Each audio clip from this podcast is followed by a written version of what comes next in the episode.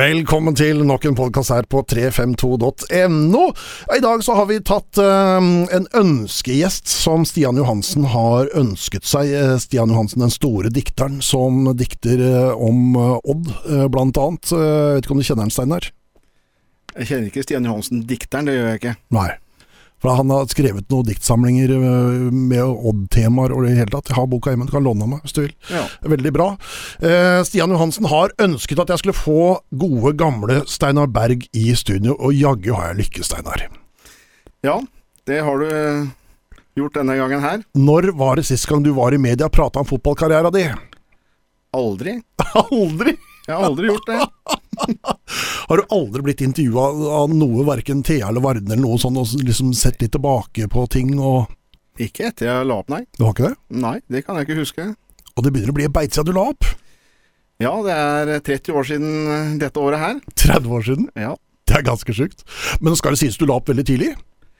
ja, som keeper så la jeg opp tidlig. Jeg ga meg på 23 år, og da var eh, Fra jeg reiste fra Gulset som 17-åring, så sa jeg at eh, neste gang jeg skal tilbake til Gulset, så skal, det, skal jeg ikke stå i mål mer, da skal jeg være spiss. Ja. Og det blei du. Det blei jeg. Det er ganske sjukt, akkurat de greiene der. Vi skal prate mer om det. Eh, Steinar, altså du Jeg har prata med masse folk i dag. Og det folk sier, er at eh, for det første så var han dønn ryddig. eh, superhyggelig fyr. eh, aldri noe tullball med. Men klin gæren på treningsfeltet og i kampsammenheng. Og Hvordan eh, kjenner du deg inn i det? Det syns jeg vel høres ganske kjent ut. Ja. Så fort man tar på seg drakt og hansker, så, så kommer horn. Da Kommer horn? Ja, ja, da blir man, blir man gal. Ja. Da våkner villdyret. Ja. Ja, det er deilig. Du, jeg har gått gjennom og sett masse bilder av deg. Eh, den barten der, den er ganske fet. Ja, den eh, Det var konfirmasjonsparten som varte Varte til man var eh, 23-24 år. Da ble du pappa, da, da kutta deg med barten? Da ble, forsvant barten. Ja. ja for den var, eh, den var ganske altså, Ser det sånn tysk pornofilm ut? Ja, det jeg vet jeg ikke helt åssen de så det, var vel litt mer Tor Skjembart til det, men eh, jeg hadde jo ikke det. Tor Skjembart der, ja. Det også var eh, heftig bart. Jeg er enig i det. Eh, Du starta karrieren din på Gulset. Eh, Gikk derfra ganske tidlig. Var et veldig lovende talent. Hvordan var tida i Gulset? Hvordan var det å vokse opp på Gulset og være fotballspiller? Nei, det var veldig bra. Det var eh, spille sammen med kamerater og være på Løkka og på Kolmyr, på betongasfalten der nede. som sprakk opp og var bare en sølehaug når det ble regnevær. Så der hadde vi mye gøy sammen som kameratgjeng, og trente jo veldig, veldig mye, selvfølgelig, utenom det som var treningstider. Ja, men, men det var et bra Gulset-lag også? Altså, sånn Seniormessig så var Gulset bra på den tida også? Ja, jeg spilte jo aldri senior i Gulset eh, før jeg la opp som keeper. Nei. Men eh, de begynte å klatre oppover eh, i min tid når jeg var eh, smågutt og guttespiller. Så da De begynte å dra seg oppover. På den tida der sånn, så kunne man være i en klubb som Gulset og allikevel bli tatt ut i masse landslagssamlinger. I dag så skjer ikke det. Kito Alano ble vel tatt ut som Gulset Erik. Ble vel Gulset-gutten han spilte på landslag, så vidt jeg vet. Ja, gjorde det? Ja, jeg tror det. Skal ikke si det 100 sikkert. Nei. Men det er ikke, det er ikke ofte. For nå, nå, er det, nå er det Odd som gjelder for alle unggutter. Det var vel sånn den gangen også, for eh, man kom jo ikke så lett med på verken kretslag eller noe landslag. Landslag var vel ganske fjernt til å begynne med, men eh, jeg var heller ikke med på de første kretslagssamlingene, for jeg spilte jo ikke Odd eller Porsche, så da ble man ikke plukka ut. Så det var litt sånn den gang også. Ja. Da, snak, da snakker vi eh, tidlig 70, nei, slutten av 70-tallet eh, ish. Det må ha vært uh, slutten av 70, Eller begynnelsen av 80 til og med. Begynnelsen Ja. 80. Ja. Ja. ja, for du er født i 67?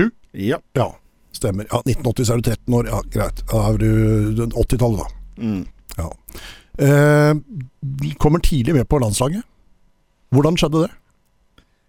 Det skjedde vel eh, for så vidt at man eh, hadde et bra kretslag den gangen. Vi er vel det siste laget, kretslaget fra Telemark som da ble norgesmestere for kretslag. Ja. Den gangen så foregikk eh, turneringene i Sandefjord, i Bugårdsparken.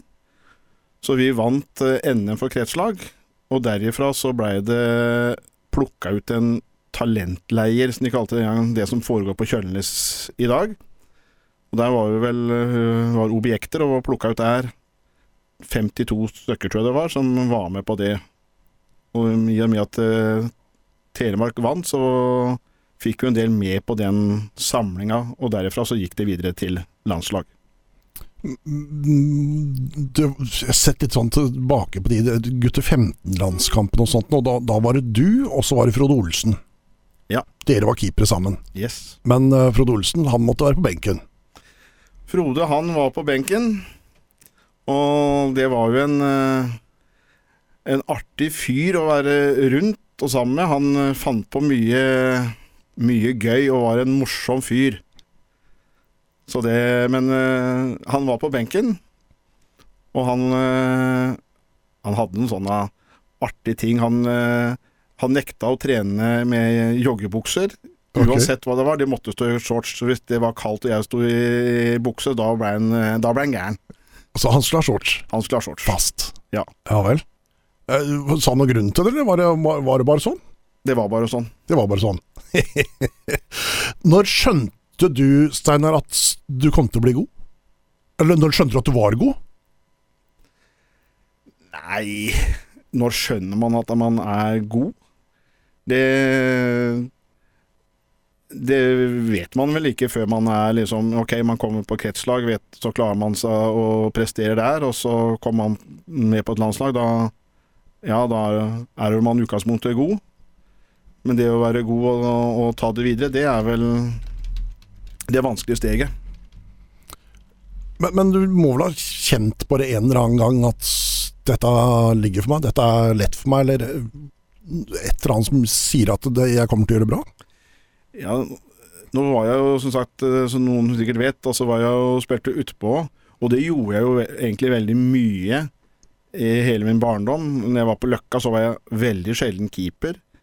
Jeg var uh, mye utpå da, men jeg ble plassert i mål av uh, min eldre bror og far, for jeg, jeg var ikke redd for ballen, så da måtte jeg stå mål, for han hadde ikke så lyst til å bli skutt på, så da måtte jeg stille meg mål.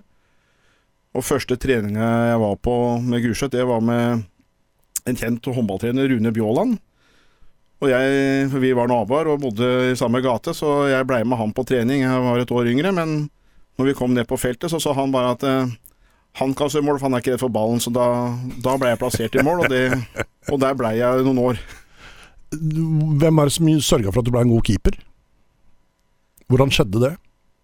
Nei Det var vel eh, for så vidt Jeg hadde jo aldri noen, eh, noen keepertrenere i ung alder.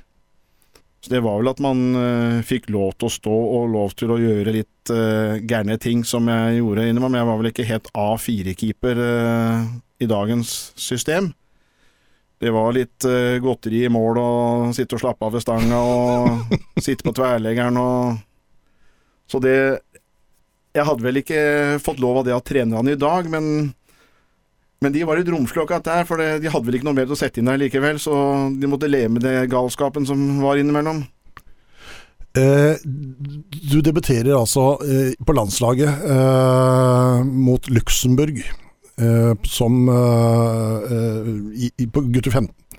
Eh, vinner 3-0. Husker du noe fra kampen?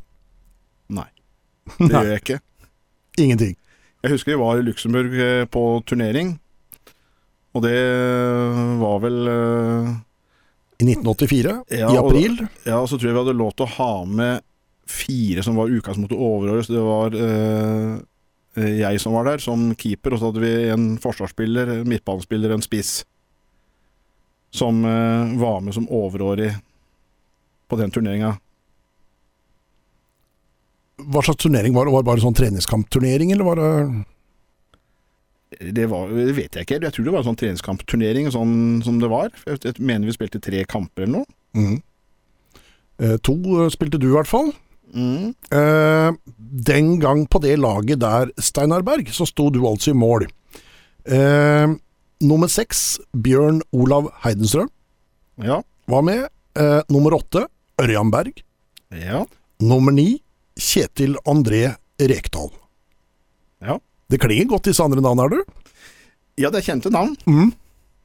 Jeg er vel kanskje minst kjente av de navnene eh, i dag. Men en ting jeg stusser fælt på på disse kampene i, i Luxembourg, sånn, så er altså nummer tre Bente Berg Solberg. Var det en jente med på laget, eller? Nei. Nei. Og hvem Bente var, det vet jeg heller ikke. Nei. Men det var ingen jente med på laget, så vidt jeg kan huske. For dette her sånn stusser jeg på, for hun, hun Ja. står oppført på mm, lagoppstillinga flere ganger her sånn. Så jeg lurer på om det var noe sånn på den tida at du kunne ha med jenter som var gode nok eller et eller annet. Men eh, hvis du sier at det ikke var noen jenter med, så var det ikke det. Det er vel heller at det var kanskje en Bent istedenfor Bente. Mm.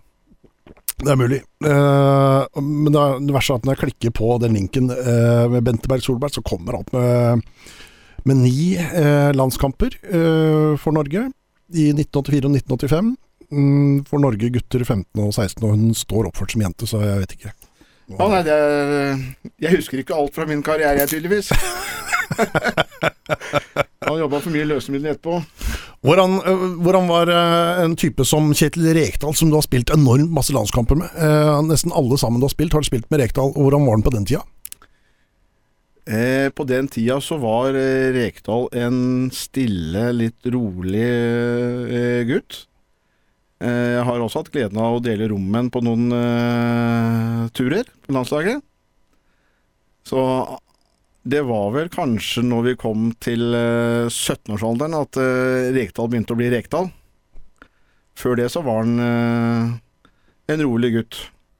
Og en av turneringene vi spilte, så husker jeg da fikk han seg en smell over øyet, så han fikk jo den blåveisen. Så da var sannsynligvis til første gang han kjøpte solbriller for å dekke til blåveisen. Ja, det er bra. Så, så Rekdal der allerede, altså. Andre du har spilt med? Eh, Hugo Hansen, eh, Bryne-spilleren som endte i Rosenborg annet. Hugo var eh, veldig god på den tida. Ja. Var vel kanskje den som var lengst framme tidlig. Hadde en enorm fysikk som han profitterte på. Som gjorde at eh, han var tidlig, og vi var vel, når han vant NM og gull med Bryne, så var vel vi da utgangspunktet på landslagsnivå, og han kom vel etter eh, den cupgullet på noen turnering. Ja. Og så har du spilt med eh, Notodden-gutt eh, Torstein Røisgaard. Ja.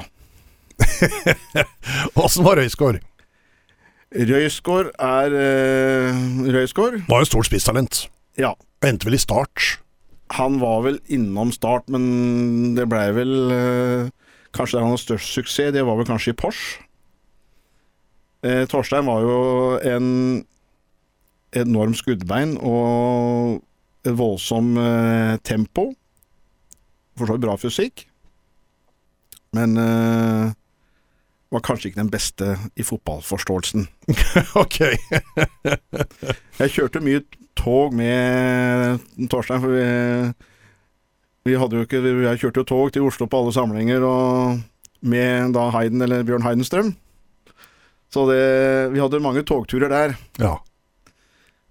Og Torstein var vel kanskje ikke den mest seriøse utøveren i forhold til eh, eh, kosthold og Ja, den gangen så var vel aldersgrensa for røyk var 16, og det var eh, Torstein. Han var mest irritert på meg og Hayden som ikke ville sitte i røykekupeen. ja. Så vi var vel ikke kanskje alltid like greie, men i dag så hadde vi blitt ansett som mobbing. Men uh, han gikk iallfall på røykekupeen sur og fæl for at uh, ikke vi gadd det, så det tok han seg røyk. Og da han kom tilbake, så hvis han skulle ha røyk, så hadde vi duppa alle røyka hans i cola. Så det Han var ikke så fornøyd med oss da. Uh, og så er det Tønsbergs store playboy som annet spilte for uh, Vålerenga, Morten Kile. Morten Kile, ja. Ja, var han en stor playboy? Ja, jeg har vært eh, kompis med han i ganske mange år. og Han er jo litt eh, Før jeg ble kjent med ham på slutten av Vålerenga-tida, så var han veldig glad i å sole seg i solarium og i det hele tatt. Jeg kjenner Morten godt, ja, så jeg kan si det, men uh, han var litt Jeg playboy hadde da. ikke noe problem, men Morten var jo også med på den uh, første talentsamlinga vi var på i, i Sandefjord. Og jeg ble kjent med Morten der, og for meg så var Morten alltid en uh, hyggelig gutt. Og da Så det var Han er en hyggelig gutt. Morten, så det Han er en hyggelig gutt. Ja. Eh, og så har du uh, kjørt mye bil sammen med Gunnar Halle.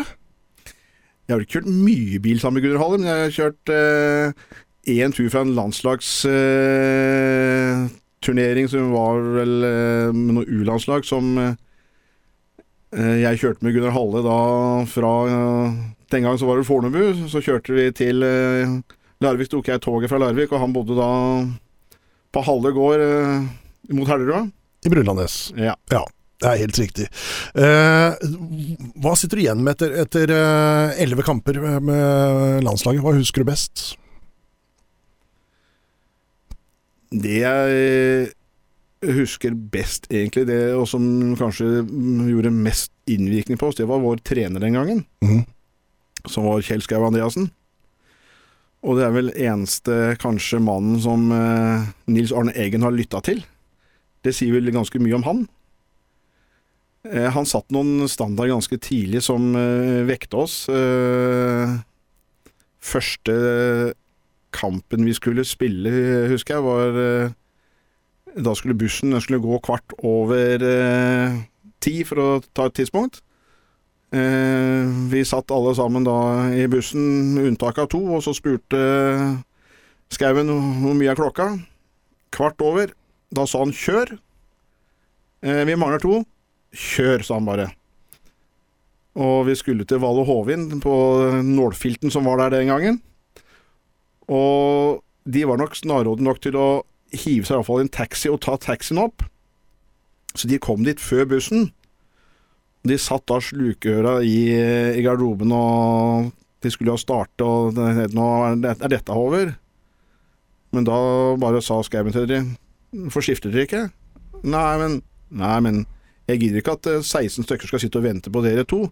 Men dere er i garderoben til tida, så da er det greit for meg. Vi bare sitter ikke og irriterer oss over at ikke to kommer til tida, så det Siden den gangen så var det aldri noen som kom for seint, eller noe trening eller kamp med Skauen. Har du eh, noen landslagsdrakt eh, hjemme fra den tida? Har du tatt vare på noe? Nei.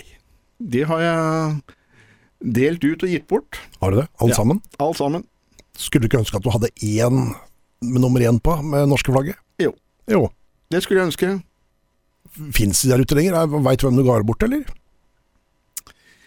Den ene den ga jeg bort, for eh, det var malerverkstedet på Hydro som skulle spille en turnering internt, og da fikk eh, keeperen låne min landslagsdrakt til, eh, til å stå mål for, for bedriftslaget til malerverkstedet på Hydro. Det er såpass, du fikk den andre tilbake? Nei. Nei. Han fikk hansker også, så han, eh, han var klar. Det var Tufte IL. Tufte i hjel. ja, det er herlig. Eh, det var landslaget. Eh, du er altså da 17 år gammel når, eh, når Eik tar kontakt. Vil at du skal erstatte Erik Torstvedt i Altså han var, han var stor. eh, var landslagskeeper. eh, sto for Eik i, i 84. I 85, da skal du ta over hans plass. Og sto ikke Erik Thorsvedt i Eik i 84, for hvis du Var det husker 83? riktig Ja, 83, for for 84 var han i da Viking. var han i Viking på Odd stadion, det burde du vite, Ja. så den der var, den var du svak på. Ja, jeg var det. Og, han, og jeg husker cupfinalen også med Alsen eh, fra 84 Ja. for Fredrikstad. Så 83 så sto han eh, i, i Viking. Nei, unnskyld, Ja. Eik. Og så kommer du og så skal ta over. Du skal være den nye Erik Thorstvedts. Ja, det var vel uh, ikke helt det jeg var ting- tiltenkt som 17-åring. Det var vel at jeg skulle være nummer to. Ja. Men, men eh, du blei nummer én? Mer eller mindre? Eh, det gjorde jeg vel for så vidt ikke, men eh, som det er i fotball, så blei eh, førstekeeper Hans Petter Olsen blei skada ganske tidlig. Det var vel andre kampen eh, oppe i Molde som han blei skada, og jeg kom inn og debuterte da i I toppserien, eller førstedivisjon. førstedivisjon, het det den gangen. Ja, ja. Eh, hvordan var det å være i, i, i, som, som så ung spiller i, i førstedivisjon? Jeg husker eh, største forskjellen Jeg kommer da fra Gulset. Eh, Riktignok spilt noen landskamper og vært med på det. Men aldri spilt seniorfotball i, i Gulset. Var Gulset juniorlag, som da den gangen var femtedivisjon. opp til toppserien, det var vel ganske stort eh, sprang. Men det jeg husker best som eh, jeg la mest merke til, og som eh, Og det var Det var hodespill. At selv de små var ekstremt dyktige hodespillere i forhold til hva jeg var vant til. Det var faktisk det jeg tenkte var den største forskjellen. Og så er det altså da Veit du hvordan dette kom i gang? Altså hvordan, hvordan hadde de sett deg? Hvordan eh, kom kontakten opp? Hvordan oppnådde de Ringte de hjem til deg, eller hva, hva skjedde for noe? Det var vel eh, da med at jeg var eh, første landslagsturneringa som var i Luxembourg. Der var Anders Fegri landslagstrener. Og i 1985 så tok Anders Fegri over Eik Tønsberg. Eh, og da var det min trener eh, Gunnar Larsen som hadde en familie fra Tønsberg, og som eh, eh, da Fegri hadde tydeligvis eh, nummeret til, som de kontakta egentlig via trener i, i Gulset. Hva, hva tenkte du da, når du hørte om dette? Nei, da Hva tenkte man da? Da hadde jeg jo sesongen før brekt kneskjellet på høsten og ikke fikk eh, fullført eh, sesong som keeper og spiss. Det var vel for så vidt første år jeg spilte spiss på guttelag og var keeper på juniorlag. Så jeg var jo for så vidt eh, egentlig begynt med opptrening når, jeg, når dette her skjedde, så tenkte jeg ja, da, da prøver vi. Men jeg var jo 17 år.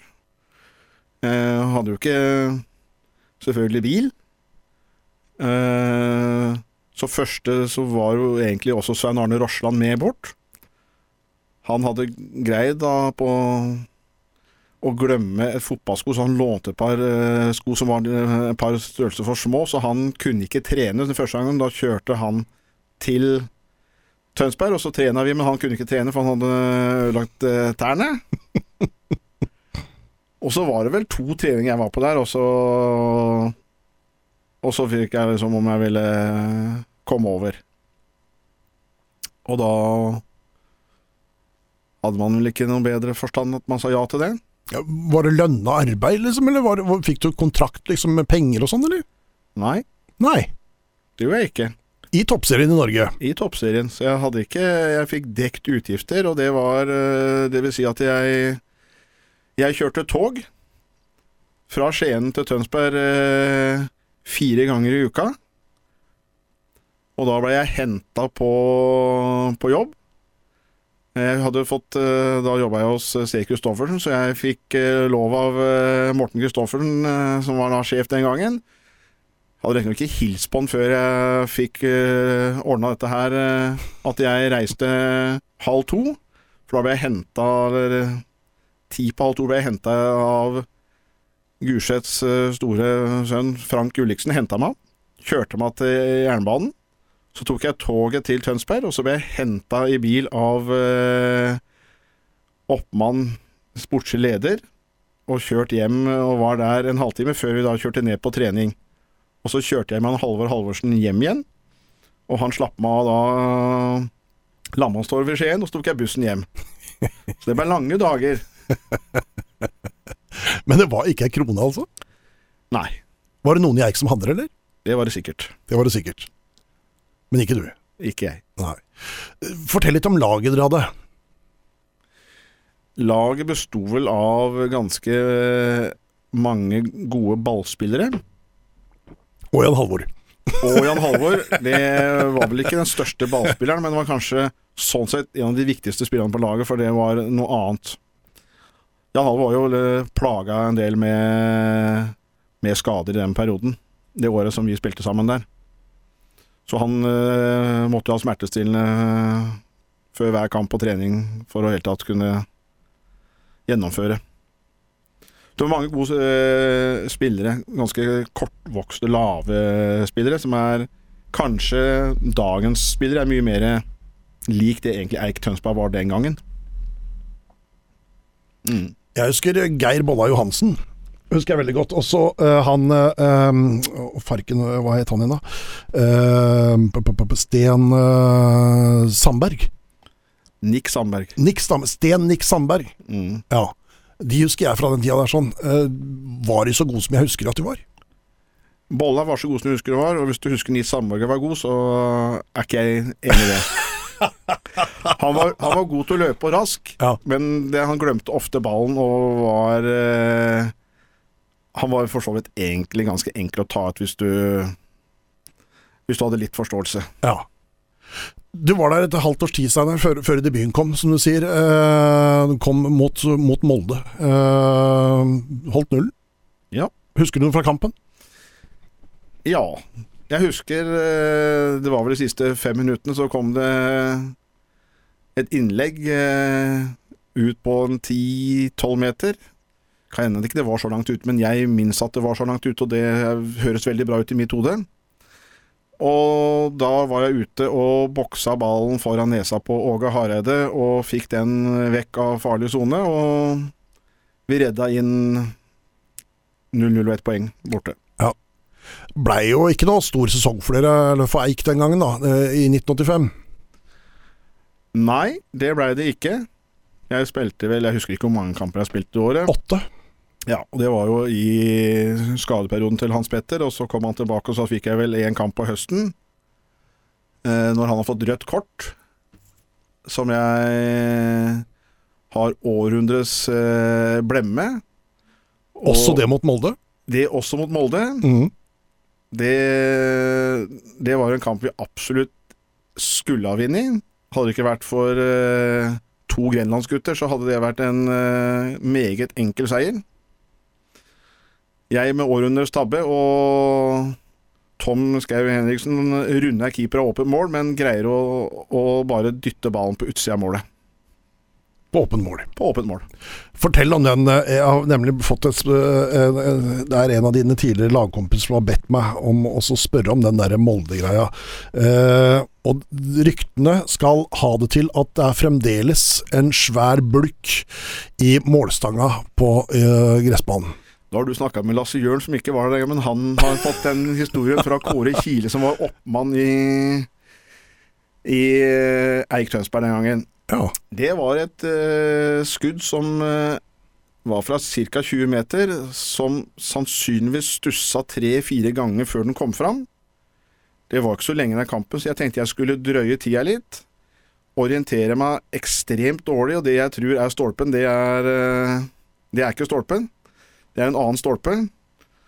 Og bare slipper ballen forbi, og den går i mål. ja. Da blir jeg jo eh, svart i øynene og svart ellers. Og spenner til stolpen og skaller til den stolpen, og det mener Kåre Kile at det er en bunkel fra den skallinga enda. ja. Det har jeg hørt også. Og han, eh, det visste jo ikke jeg da, men det jeg hørte etterpå fra Lars Jørn, at eh, han sprang bort for å lure på om jeg egentlig besvimte, men det, han, han, han fikk ikke så mange ord ut av meg, men han, han sa bare at det var greit. Ja. Hvorfor skjønner du at, skjønte du at det var Lasse Jørn? For den historien jeg har hørt bare av han. Å ja, ok. Det er greit. du, det ble åtte kamper. Eh, en av de tyngste må vel, i tillegg til den Molde-kampen her vi snakker om her, må ha vært 0-8 for Lillestrøm. Eh, ja, 16. mai, Åråsen eh, 08, men det er jo kanskje en av de kampene jeg har hatt flest redninger. Å ja. For eh, det ble 1-0, og jeg tror jeg redda fem ganger eh, aleine med meg før det ble 2-0. Og så ble det 2-0 rett før pause, tror jeg. Og så kom 3-0 ganske tidlig i andre gang. Hvor jeg var eh, rimelig forbanna på Forsvaret, men Jan Halvor syns jo ikke at han kunne tatt skylda, for han midtstopper, han var på midtbanen, så da skjønner du at da er det da er det ikke noe vits når ikke du skjønner bedre enn det. At det er ikke din skyld siden du er på midtbanen når du er midtstopper. Ja, Det er deilig. Så da ropte de bare i annen gang eh, tosifra og Sila, og da sto jeg bak eh, Eller da sto Kanarifansen bak meg, så det, det var vel ikke en stor opplevelse som, eh, som 17-åring, det. Du har aldri vunnet på Åråsen, eh, du Berge. Nei. Har du egentlig bare spilt deg to ganger, da. I hvert fall det, det jeg har kommet øh, klart lese meg til. Ja, jeg, jeg, jeg, husker bare den ene. og når vi kom i garderoben eh, etter den 08-tapet, så hadde de vært inne og stjålet eh, pengene våre i garderoben også, så det Oh. Men lommeboka mi fant de igjen en eh, kilometer fra Åråsen, så jeg fikk lommeboka tilbake. Ja. Det var en cupkamp der oppe også? Eller var det på Falkum? Som Kjell Osvold uh, skårer mål på rad. Da var rådkeeper. På straffe. Han skårer vel både et straffespark og et eh, skudd på rad, tror jeg. Det var vel på Falkum, tror jeg. Det var Falkum, kanskje, det. Mm. Det var cupkamp tre runde 1990. Ja. 0-3. Mm. Hvor du er veldig nær å ta den straffa til Osvold. Det var vel første kampen jeg sto for Odd. Åh, Var det det? Nei, det tror jeg ikke. Nei, det var 1990 var siste året jeg Ja. spilte her. Mjøndalen var vel første. Mjøndalen første, det var også Tre runde. tre runder. I 1987. Ja. Og da var jeg jo ikke spilleklar før serierunde tre. Nei. Og det var jo fordi at eh, jeg hadde i kontrakten at uh, jeg kunne forlange 70 000, Odd ville betale 50 Og da ble man ikke enige om det, så gikk det til forbundet, og da Og det ble ikke sendt til forbundet før eh, det var gått eh, noen kamper, så da satt forbundet 60 000, og da betalte Odd dagen etterpå. Så 10 000 kroner, det var eh, Med at Odd også da vant de fem første uten å slippe i mål, så så var jeg i utgangspunktet tiltenkt å være førstekeeper, men det ble jo da selvfølgelig ikke sånn når man eh, ikke er spilleklar. Nei. Eh, dere rykker ned i 1985. Eh, 1986 eh, så er det storfavoritter til å gå rett opp igjen. Eh, klarer ikke det, men slipper inn færrest mål. Eh, ryker vel på et par uavgjorter helt på slutten, eh, mot Skeid og Fredrikstad. Jeg spilte vel ikke mye det året der. Jeg gikk da og var vel også blitt fortalt at jeg skulle være førstekeeper, men får skulderskade uker, eh, måneder før seriestart, og er egentlig ikke klar til å spille egentlig før eh, slutten av mai, egentlig. Men sitter på benk og spiller egentlig skada. Når du kommer hjem til Odd da, blir henta for 60 000 kroner, blir du liksom mm, sett på det som en sånn stjerne som kommer fra Eik og har spilt i Eliteserien eller i, i førstedivisjon og sånn, eller? Eh, nei, jeg tror ikke det. Jeg hadde i hvert fall ikke det inntrykket, jeg. så langt derifra.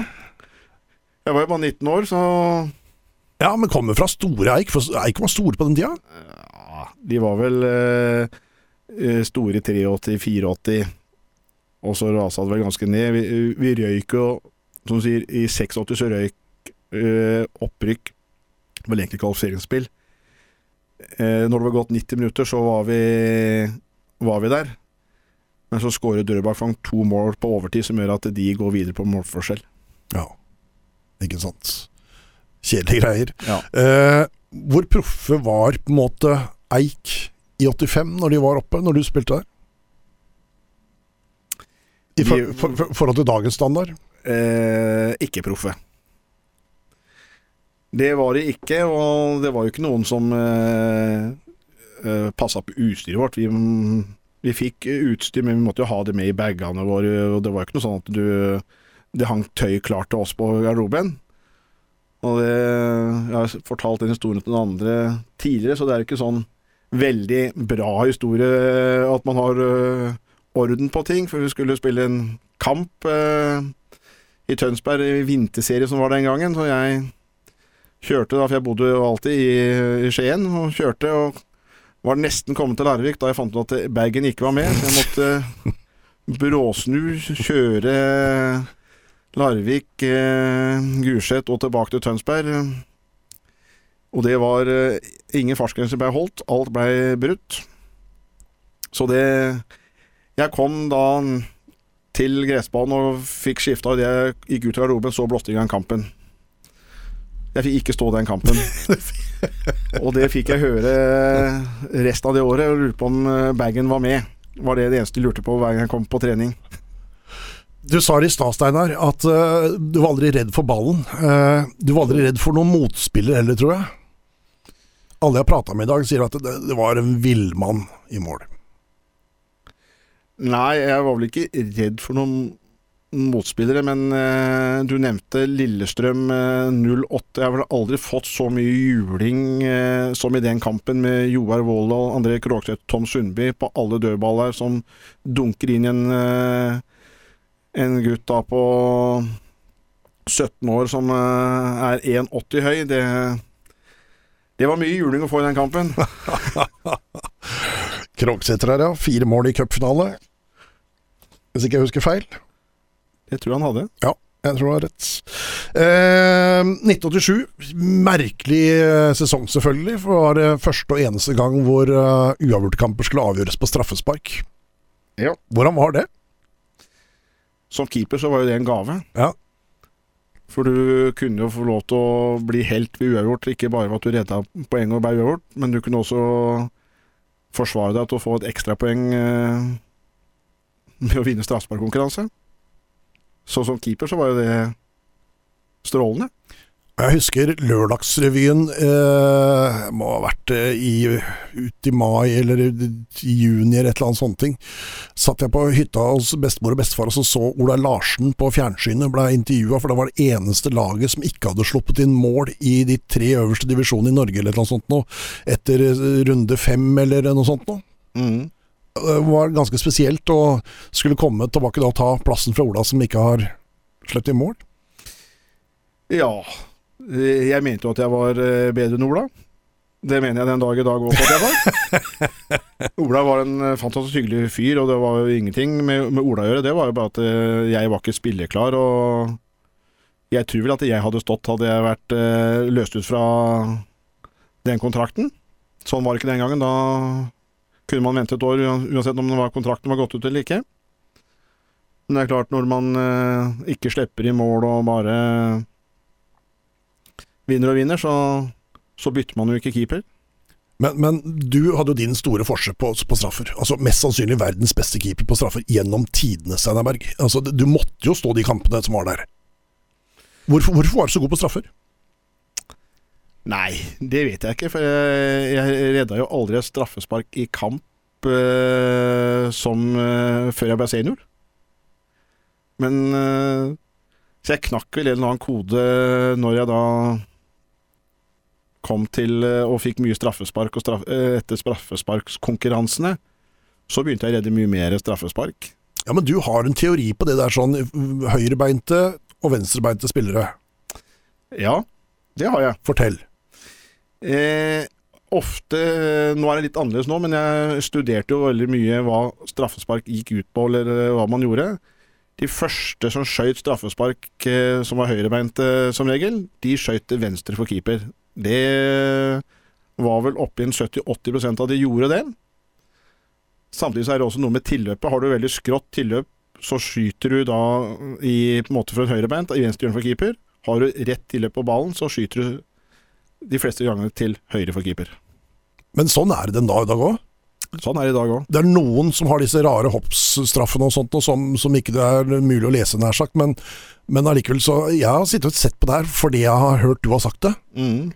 Så, så, så er det jo ofte sånn i dag også. Ja, altså Det fysiske loven har ikke forandra seg. Det er noen som klarer å, å, å gjøre annerledes. Kjetil Rekdal var jo en av de som var god til å lese og se hva keeper gjør. Og så er det blitt eh, Før så kunne man jo ikke lese i det hele tatt. Så kunne man lese litt, og så har jo VAR kommet inn. Og det dummeste jeg ser nå, det er jo keepere som hopper ut av streken. Du vet jo at det blir om igjen hver gang. Så er det, er det mulig, tenker jeg å gjøre en redning, og så har det ikke vært noen ting. Men hvorfor er det ikke flere keepere som tenker på det som du sier her? Nei, det vet jeg ikke. Det, eh, jeg tror ikke de er, eh, har en tanke. Jeg pleier å si til mine keepere som jeg trener på toppidrettsgymnaset, at uh, fotball er et tenkende spill, og det å stå i mål er, er uh, på en måte en mind games. Du må på en måte bruke hodet for å tildekke svakheter, framprovosere ting. Du kommer tilbake til Odd, men blir ikke førstekeeper. Altså, men det virka ikke som det var noen førstekeeper i de tre sesongene du var der. Som Du var der i 87, åt- mm, fire sesonger. 87, 88, 89 og 90. Mm. Stemmer det? Ja. Virka ikke som det var noen førstekeeper noen av de åra der, sånn, for dere har vært to og tre keepere hele tida som har på en måte bytta litt på spillet.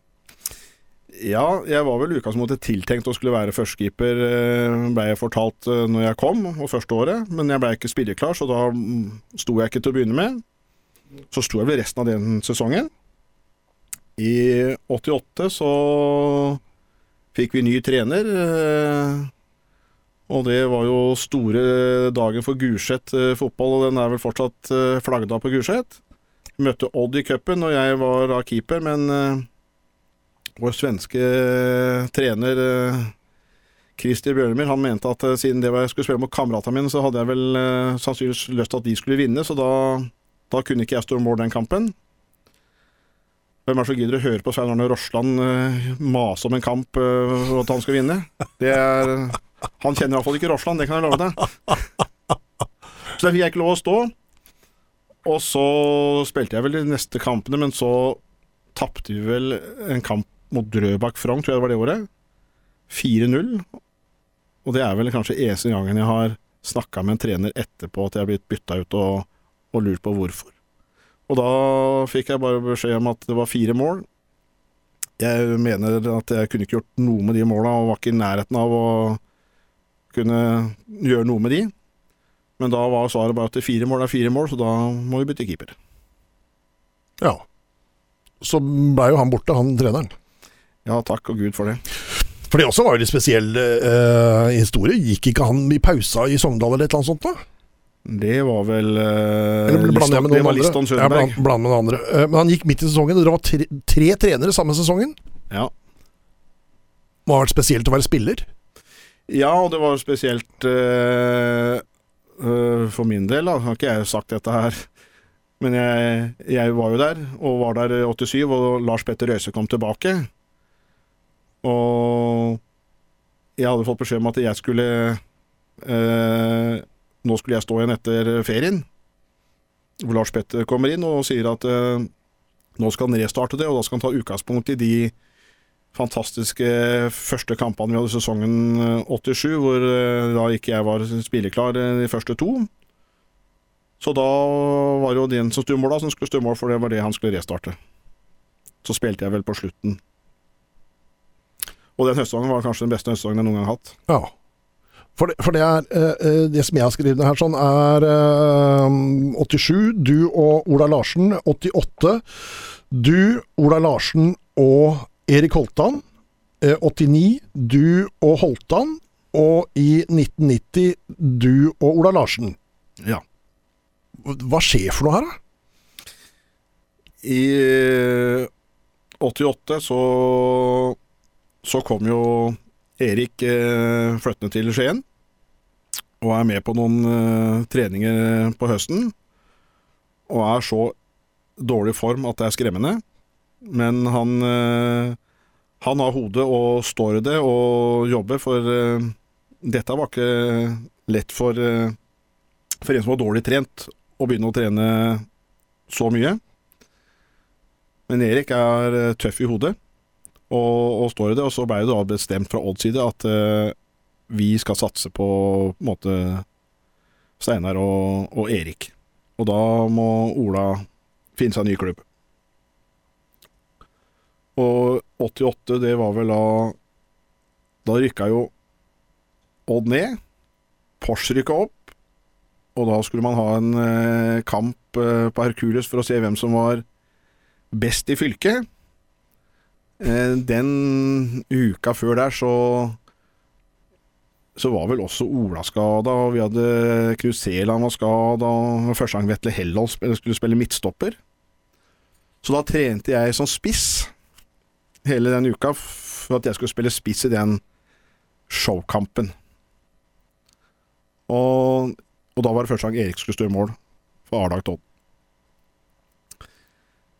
Vi lå under 1-0, og vi fikk vel eh, Og det var til pause. Så vinner vi kampen 3-1. Jeg skårer to av de måla. Og på den siste så kolorerer jeg med Råsbakk og smeller til han samtidig. Så da, da var jo på en måte Odd fornøyd med at vi fortsatt var best i fylket. Brakk du ikke nesa til Råsbakka?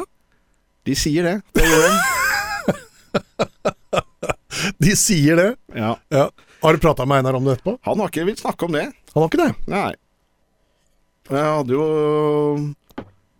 Egil Ramstad var jo der, og han, eh, han hadde Jeg husker ikke hvilken forbindelse han hadde med det, men han hadde sagt det, men da hadde ikke Einar villet eh, snakke med ham om det. Nei. Men var det ikke sånn at Porsgrunn holdt på å lese her når du kom ut som spiss i andre omgang? Jeg kom som spiss eh, fra første omgang, jeg. Hva gjorde du, ja? Ja, jeg starta som spiss. Eh, de leste opp lagoppspillinga, og da var nummer 11 det var, eh, det var Berg. Og da, da lo Porsgrunnsfolket at eh, ja ja, skal de bruke keeperen i målet, her Bare tull. Men det, det skjedde fordi du spilte spiss uh, i, i ordinær kamp også, Berg? Jeg har uh, Kom inn for Roger Eng? Jeg kom inn for Roger Eng i en kamp vi lå under under 0-1 og ble 1-1. Ja. Brede Halvorsen uh, sørga for målet. Ja.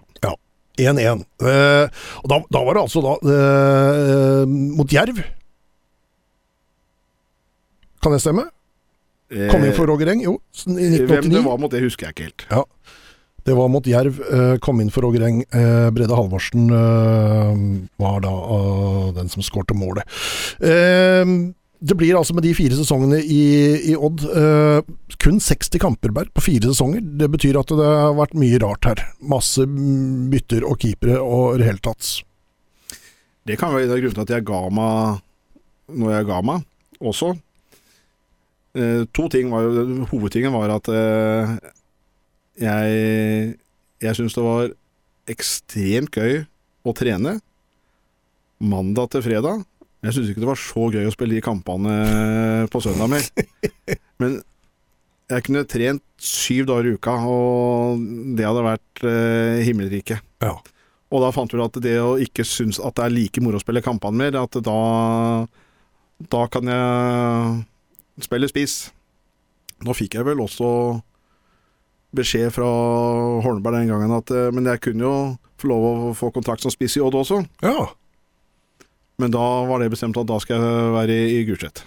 ja. Hva skjedde for noe da? Hvor, hvorfor blir du ferdig i Odd, og hvorfor velger du hjem til Gulset da? For det hadde jeg sagt eh, den gangen jeg eh, dro. Når jeg skal tilbake, så skal jeg spille for Gulset.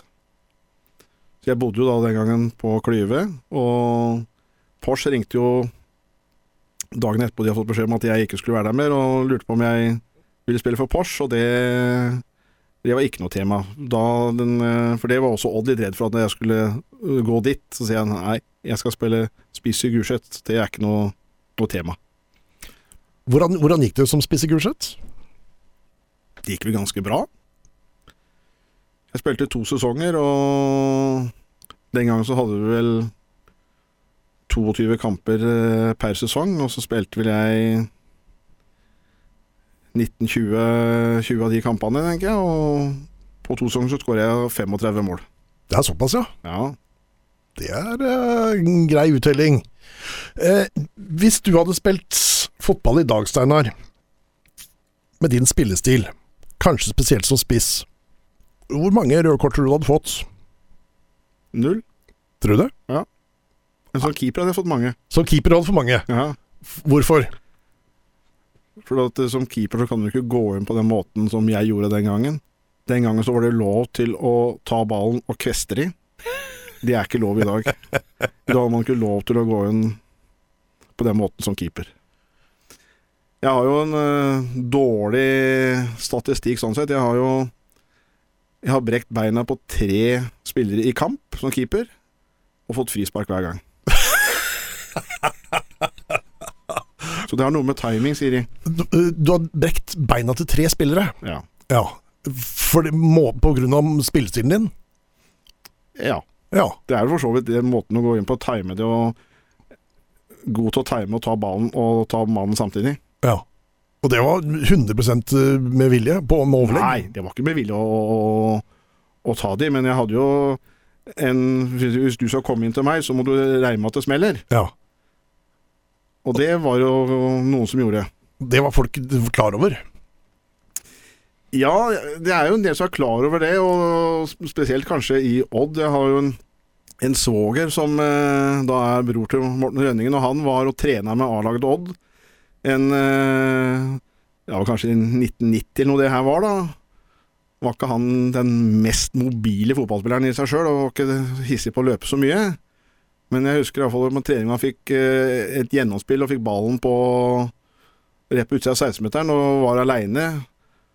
Men han valgte å skyte utafor 16-meteren, og det fikk han jo høre. Og da var han svaret bare at 'jeg går ikke inn til den gærningen der'. Det var han ikke interessert i. Ja, det er vanvittig bra.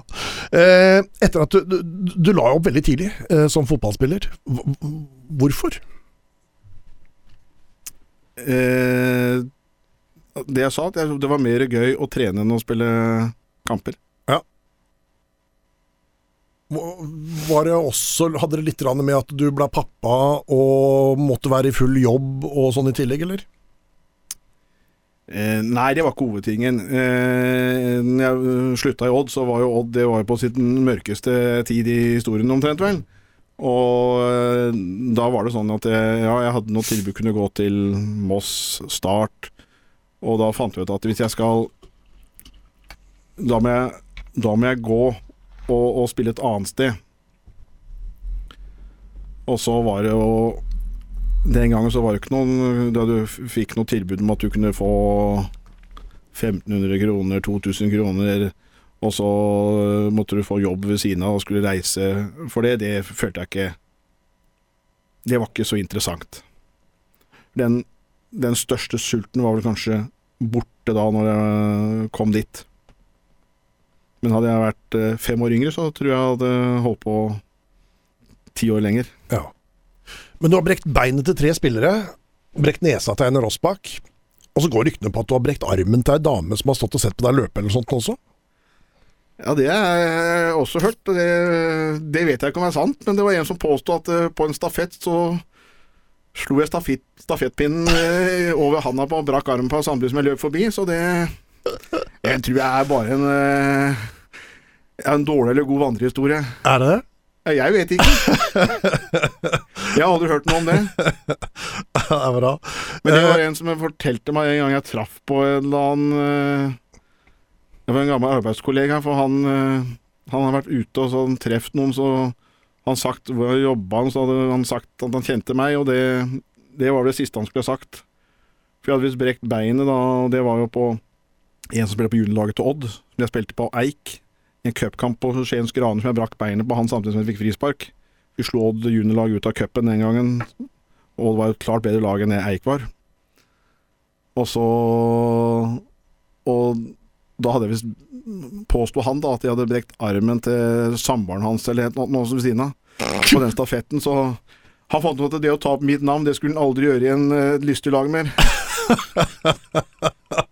Det er bra. Eh, du har to barn som ble fotballspillere, de også. Stine holdt på ganske lenge med fotball, men har kutta ut det. Eh, Nikolai spiller eh, fotball en dag i dag. Ja. I andredivisjonslaget eh, Eik, det også, men Ja. ikke Eik Tønsberg. Ikke Eik Tønsberg. Det er Egersunds uh, idrettsklubb, Ja, forkorta med Eik. Eik. Da vi så overskriften at uh, Larsen Berg skulle til eh, Eik, da tenkte du nå er ringen slutta, men det var vel ikke det? Nei, det var mange som uh, så den gangen at Oskar er ute til samme sted som pappa, liksom, men eh, det var en annen del av landet. Ja. En keeper, det også. Ja. Har pappa pressa på litt her, eller? Nei, det har han ikke gjort. Eh, men han har vel eh, ikke hatt bestandig den letteste Hvis han fikk en ball i ansiktet eller et eller annet, så var det ikke så mye at det gikk. Det var bare å Nå må du komme deg opp. Det var ikke så mye trøst der da? Nei, det var vel ikke det. Så det, mora var bedre på trøst. Det er bra. Du, jeg har eh, fått en del eh, meldinger og sånn fra tidligere trenere og lagkompiser og litt sånne ting som jeg lurte på om vi skulle dra igjennom her. Eh, Hans Ole Groa sier at han har ordna en landskamp til deg. Ja, Hans Ole har ordna en landskamp på benken for meg. Det var etter jeg hadde lagt, lagt opp som keeper. Så skulle A-landslaget eh, ha treningsleir i Grenland. Trente på Skiens eh, Granes bane. Og så var eh, andrekeeperen blei skada, og så var vel Einar Jeg vet ikke om han ikke var tilgjengelig et eller annet. Så da hadde Hans Ole, tror jeg kanskje Hansen da, uten at jeg visste, så hadde de ringt meg og lurt på om jeg kunne være stille opp på den utgangspunktet samlinga, og da hadde jeg jo for så vidt lagt opp som keeper, så jeg var jo ikke keeper mer, men jeg, jeg sto den landslagssamlinga i mål. Og da satt jeg på benken eh, i treningskampen eh, på Hercules, som det var i flomlys. Ja. Ikke engang den landslagsdrakta har du klart å ta vare på. Nei, det er jo ikke alle som var som Fjørtoft og tok med seg andre drakter enn sin egen. Gjorde han det? Det er det mye rykte på, ja. Ok. Så har jeg fått altså en uh, melding her fra en uh, kar som heter Tor Arne Sannerholt. Uh, god keeper, stein gal spiss, tålte ingenting som keeper. Spør ham når jeg traff ham litt på fingrene, hva som skjedde da, på sportsplassen. Ja. Det var jo veldig pent av han å si det på den måten der, for at det var vel eh, Det var trening, og høy temperatur er det på treninger. Han øh, mente at han skulle hatt et frispark. Ballen ble spilt imellom, og han nådde ikke bort. Og jeg lå nede og skulle til å reise meg, og så han, var han forbanna for at ikke han hadde fått frispark, så han brenner til ball og bein og fingrer og alt på meg samtidig. Da svartner det for uh, unge Berg, så han løfter Tor opp, og filleristeren og kaster han over snøfonna. Flyvende mare, står det her. Ja. Han kom ikke tilbake etterpå og sparka i ballen. Nei, eh, men du var mye verre enn han var eh, på slutten av karrieren din når du var spiss, eh, sier han her. Nei, Nei, det er feil. det er feil. Det er absolutt feil, altså. ok, ja, det er greit. han øh, hevna seg for ikke å få frispark, det gjorde ikke jeg. Nei. Men det var ikke så mange keepere som likte meg når jeg var spiss. For det Er det én ting som er viktig i fotball, vet du, så er det timing. Du må treffe på riktig tidspunktet. Og det Jeg ga mye juling til keeperne. Ja. I 1988 så har jeg fått beskjed om her at du ble kalt inn på teppet i Odd fordi at du hadde vært litt villbass med arvesølvet eh, til Odd på trening. Tatt kneet til Tommy Svindal Larsen. Ja, det Da ble jeg Jeg ble ikke kalt inn på teppet, men eh, det var vel alle på det feltet mente at jeg måtte ta det rolig. Han kunne ikke takle unge gutter på den måten der. Jeg var vel ikke enig den gangen, jeg er fortsatt ikke enig i dag. Tommy kanskje lærte noe, at eh, det å komme på trening og skulle være eh, ta litt på hæren, det var en dårlig idé når du hadde en gærning i mål. Så han som halvsovd når han andre kom eh, rusende ut, det gjorde han vel ikke de nærmeste åra etterpå. Men du tok det hans? Han ble skada ganske lenge òg, gjorde han ikke det? Han blei skada, jeg tok eh, ball, og igjen, ball og mann kom med samtidig. Jeg tok ballen først, og så blei han med i dagsuget for at ikke han fulgte med. Og så var det en treningsleir i Gøteborg hvor eh, Tommy sier at han ikke sov ett sekund på den treningsleiren. Det gjorde han. Men eh, han sov ikke så mye som han hadde lyst til. Ok. Vi eh, Det var jo på toppidrettsgymnaset, og da Da Da sa jeg til han at eh, jeg snorker. Det var ingen problem, for det gjorde han også, så det Så jeg, men du burde ikke se film før jeg øh, Før jeg sovner, for da får du ikke sove. Nei, nei, det var ingen problem, sa han. Første natta så klaga han på at det var øh, jævlig mye snorking. Og så sier jeg ja, men selv natt to så skulle han se på film før han skulle legge seg.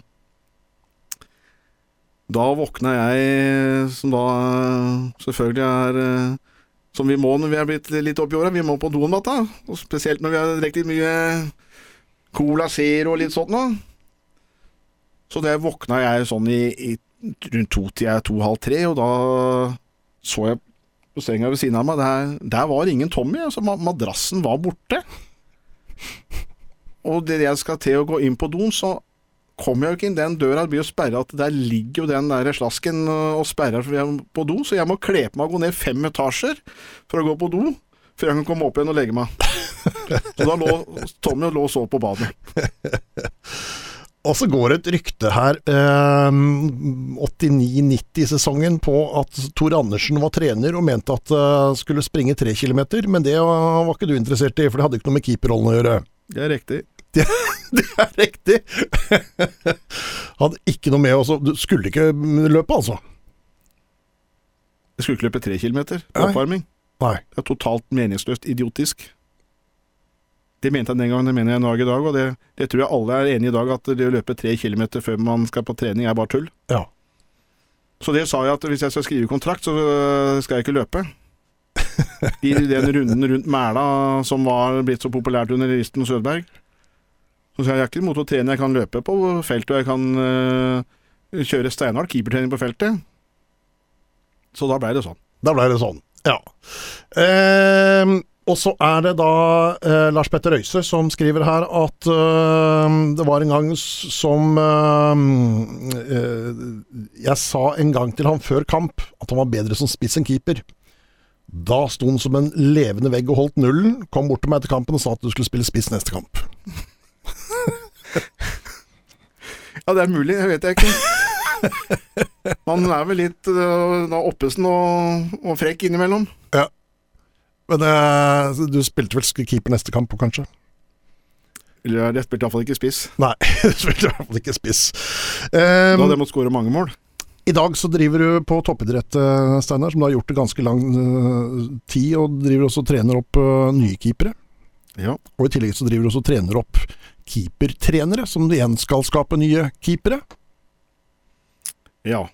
Jeg trener ikke opp keepere, men jeg har øh, det er keeperkurs som holdes øh, for de som skal ha keepertrenerkurs, da. Mm. Du driver nå også da både trener opp de som skal lære opp nye keepere, og lærer opp keepere. Altså, det er du som sørger for at du blir keeper i Telemark nå, da. Jeg vil heller si at det er Terje Abrahamsen fortsatt. Ja. Jeg er øh, på skolen, og resten jeg er assistenten til Terje Abrahamsen. Ja. Jeg er assistenten hans på, på kretsen. Det er han som holder i tråden, og jeg hjelper han, og det er det som er på skolen også. Du, eh, har alltid vært gode keepere i Odd. Eh, helt tilbake fra eh, Altså, vi kan ta Dovregubben, og vi kan eh, gå til deg og Ola og Erik Holtan og Rune Jarstein. Og, så, det, det er enormt å ta. Helt opp til Sondre Rossbakk. Hva kommer at det alltid er gode keepere i Odd? Nei, det har vel kanskje noe med kultur og at man har hatt litt fokus på det. Det var vel kanskje ikke det på, på min tid at det var så mye fokus. Jeg har, jo aldri hatt en keepertrener i, i klubb. Jeg hadde vel i Gulset hvor jeg hadde Asbjørn Martinsen som hadde noen økter med meg på vinteren eh, i to-tre måneder. Men ellers har jeg aldri hatt keepertrener. Jeg hadde I Eik så var det en som Han var ikke keepertrener, men han syntes var moro med en ballkanon, så han kjøpte seg ballkanon. Men han var ikke i utgangspunktet keepertrener, så han Vi hadde den til å skyte med og slå innlegg med. Men aldri hatt keeper, så det er kanskje det er kulturen da til, til klubben. Hvordan ser det ut i fylket vårt nå, da? Kommer det nye etter uh, Sondre Rossbakk? Det kommer, uh, det kommer nye. Men det å ta det fra å være, som jeg var, god som ung, og til å ha hodet til å ta det eh, der Sondre er, det er en eh, Det er en personlig ting du må ha. Det var det kanskje Erik eh, han var best på. Det var utrolig sterk i hodet. Og fotballklok. Det må du være for å lykkes. Du må være sterk i hodet. Du må orke å stå i sånne ting. Eh, hvem er det som eh, er i fylket vårt nå som du ser at har muligheten til å kunne bli den neste? Det er flere som har mulighet til å, å bli den beste, men det kreves enormt mye eh, jobb for å bli det, og mentalitet. Jeg ser vel ingen helt som er der 100% enda. Så ingen ny Rune Jarstein på de trappene akkurat nå? Nei, men det er noe som kan bli det. Mm. De, men det, det foregår mye mentalitet i, i min verden, at du må være en type mot et mål. Du, du, du kan Det er spesielle folk som er keepere. Ja, du, du kan være øh, øh, Være god og være rå på visse ting, men mentalitet er for meg viktig. Du må tørre å være upopulær i, i den fireren foran deg, og du må tørre å stå i det. Og så må du også ha litt, litt galskap. Litt galskap. For det har alle keepere. Jeg har aldri vært borti en normal menneske ennå. Ikke digge. Nei, han eier ikke galskap. Det er øh, feigeste keeperen som finnes i verden, tror jeg nå. Ja, siden han står for din klubb, da, Berg. Ja. Uh, det er uh, Siste jeg har her, er egentlig Kurt Strand. Uh, fortell om eh, da du og Kurt løp etter hverandre. Ja, Vil vi ta den? Ja. Det vil sikkert Kurt høre, men det er ikke jeg så sikker på om jeg er Nei, Kurt var en, en fin mann å ha foran seg i forsvar. Og han verna veldig om, når ballen var fri, til å passe på at eh, man skulle kunne fange den og holdt andre unna. Det han eh, refererer til, det er jo en trening. Og det viktigste å vinne, det er jo de som foregår på trening. Det kan du ikke tape. Og da var det en ball som ble slått inn eh, Jeg var sikkert litt snill med Kurt, som jeg pleide å være. Så jeg gikk ikke i duellen som jeg pleide, så han fikk stussa den ballen over meg når jeg kom ut. Og han eh, tok en da og løp da mot mål for å sette den ballen i mål. Det han skjønte, var at eh, det er om å sette den ballen fort som mulig å hoppe. Og det gjorde han. Så det ble scoring. Til stor forbannelse for en annen. ja, for da skulle du ta han? Eh, jeg skulle ta han om eh, ballen. Det er riktig. Ja. Men ikke etterpå, når den skåringen var gjort, så var det over. Da var det ikke noe Jeg var jo sånn siden etter det, men så lenge den ballen levde Så lenge den levde, og det, det skjønte Kurt, så lenge den lever, så, så er jeg i fare. Bra. Kurt forteller den på en litt annen måte. At du var eh, svart i evnen og skulle ta den. Ja, når ballen var i spill, ja, men ikke etterpå. Nei, greit. Steinar, eh, fotballkarriere de har kosta deg ganske mye. Du har eh, noen bein i dag som ikke er helt gode. Eh, hvordan er det med, med knær? Eller med kneet? Nei, jeg har vel operert eh, venstre kne har jeg vel operert åtte ganger, og høyre nå to ganger. Venstre kne er er det metall og protese, og høyre er jeg tatt ut noen beinbiter, men ellers er det, er det bra. Men det er vel vel så mye legetabbe som egentlig karrieretabbe. For eh, jeg brakk eh, kneskjellet i 84. Den gangen så var røntgen det var eh, på tannlegekontoret til eh, Sten Rolf, og tok eh, at det var brekt, så da var det gipse det og gikk fire uker, og så var det bare å, å begynne å trene igjen. I dag så hadde man slipa den kneskåla så den ikke hadde vært eh, noen grader på skrapa bort knebrusken som den gjorde de neste 18 åra, som gjorde at det ikke var noe knebrusk igjen. Så det er, det er ferdig, det kneet. Det er ferdig. Det er øh, operert inn protese og hogd ut protese og operert inn protese, og det fungerer fortsatt ikke. Og det er øh, Det er øh, konstant betennelse i det. Og jeg pleier å si til de jeg skyter på, at jeg, jeg har papir på at jeg er 35% medisinsk invalid pga. det kneet. Hvor gæren kommer det her til å bli? For det blir ikke noe bedre dette med kneet ditt. Havner du i rullestol til slutt, eller? Mm, nei, da Det kan jo skje, men sånn som det er nå, så er det jo Jo mindre jeg gjør, jo bedre er kneet, og verre er det for resten av kroppen, så da er det balansen på det. Ja, ikke sant? Så strengt tatt så burde jeg vel ikke vært å, å skyte Å skyte i. Nei, men, Nei. men det er Eh, hvile nok etterpå, så går det greit. ja. Fotballkarriere har uh, kosta. Eh, barten er borte. og det er kanskje det beste. Eh, for dere som sitter der ute, google opp bilder av Steinar Berg da, er med bart. Altså, han er helt fantastisk med, med bart. Og håret hadde du også, Berg. Ja, det var vel, det var vel høye viker den gangen òg. Du, en time i gode venners lag, det går styggfort, og nå er det jaggu meg gjort. Ja, det er til og med 70 minutter har, eh, har gått. Eh, tusen takk for at du stilte, Berg. Det var interessant å høre om gamle dager. Ja, det er virkelig gamle dager, dette her. Det er det. Det er det glade 80-tallet. Ja, det er herlig. Hvor mye var det på Hawk? Du, jeg var ikke så veldig mye på Hawk. Jeg var vel eh, kanskje der en tre-fire ganger. Ja, for det alle, alle jeg har prata med, sier at han var ikke med på noe gærent. Vi andre var med på det, det som var gærent, men Berg var for ordentlig, sier de. Ja, det eneste jeg hadde vel en gang, det var eh, Jeg ble kalt inn på Teppet Odd. Oi! Og det var eh, Ja, om det var 87 eller 88, det skal jeg ikke si sikkert, men det var i hvert fall sankthansfeiring. Og da var jeg med noen venner eh, Dette var vel da to dager før kamp, på, på Slettevannet. Og jeg hadde med meg Jeg drakk kasino den gangen. Kasino der, ja. Kasino, den har jeg ikke fått tak i mer, men Nei. den eh, drakk jeg, og var der oppe med noen venner og gikk og la meg i teltet sånn i 11-halv-12-tida. Og da var det noen som hadde vært der, som da hadde sagt at jeg hadde vært der, og da hadde helt sikkert Knut Seland og Vegard Aase og Roar Stadla vært der, og det var jo den fyllefesten. Så da Det kom da til Odd, og da ba jeg om å få møte på det, og sa at det, ingen av de andre har vært der, det var kun jeg som var der.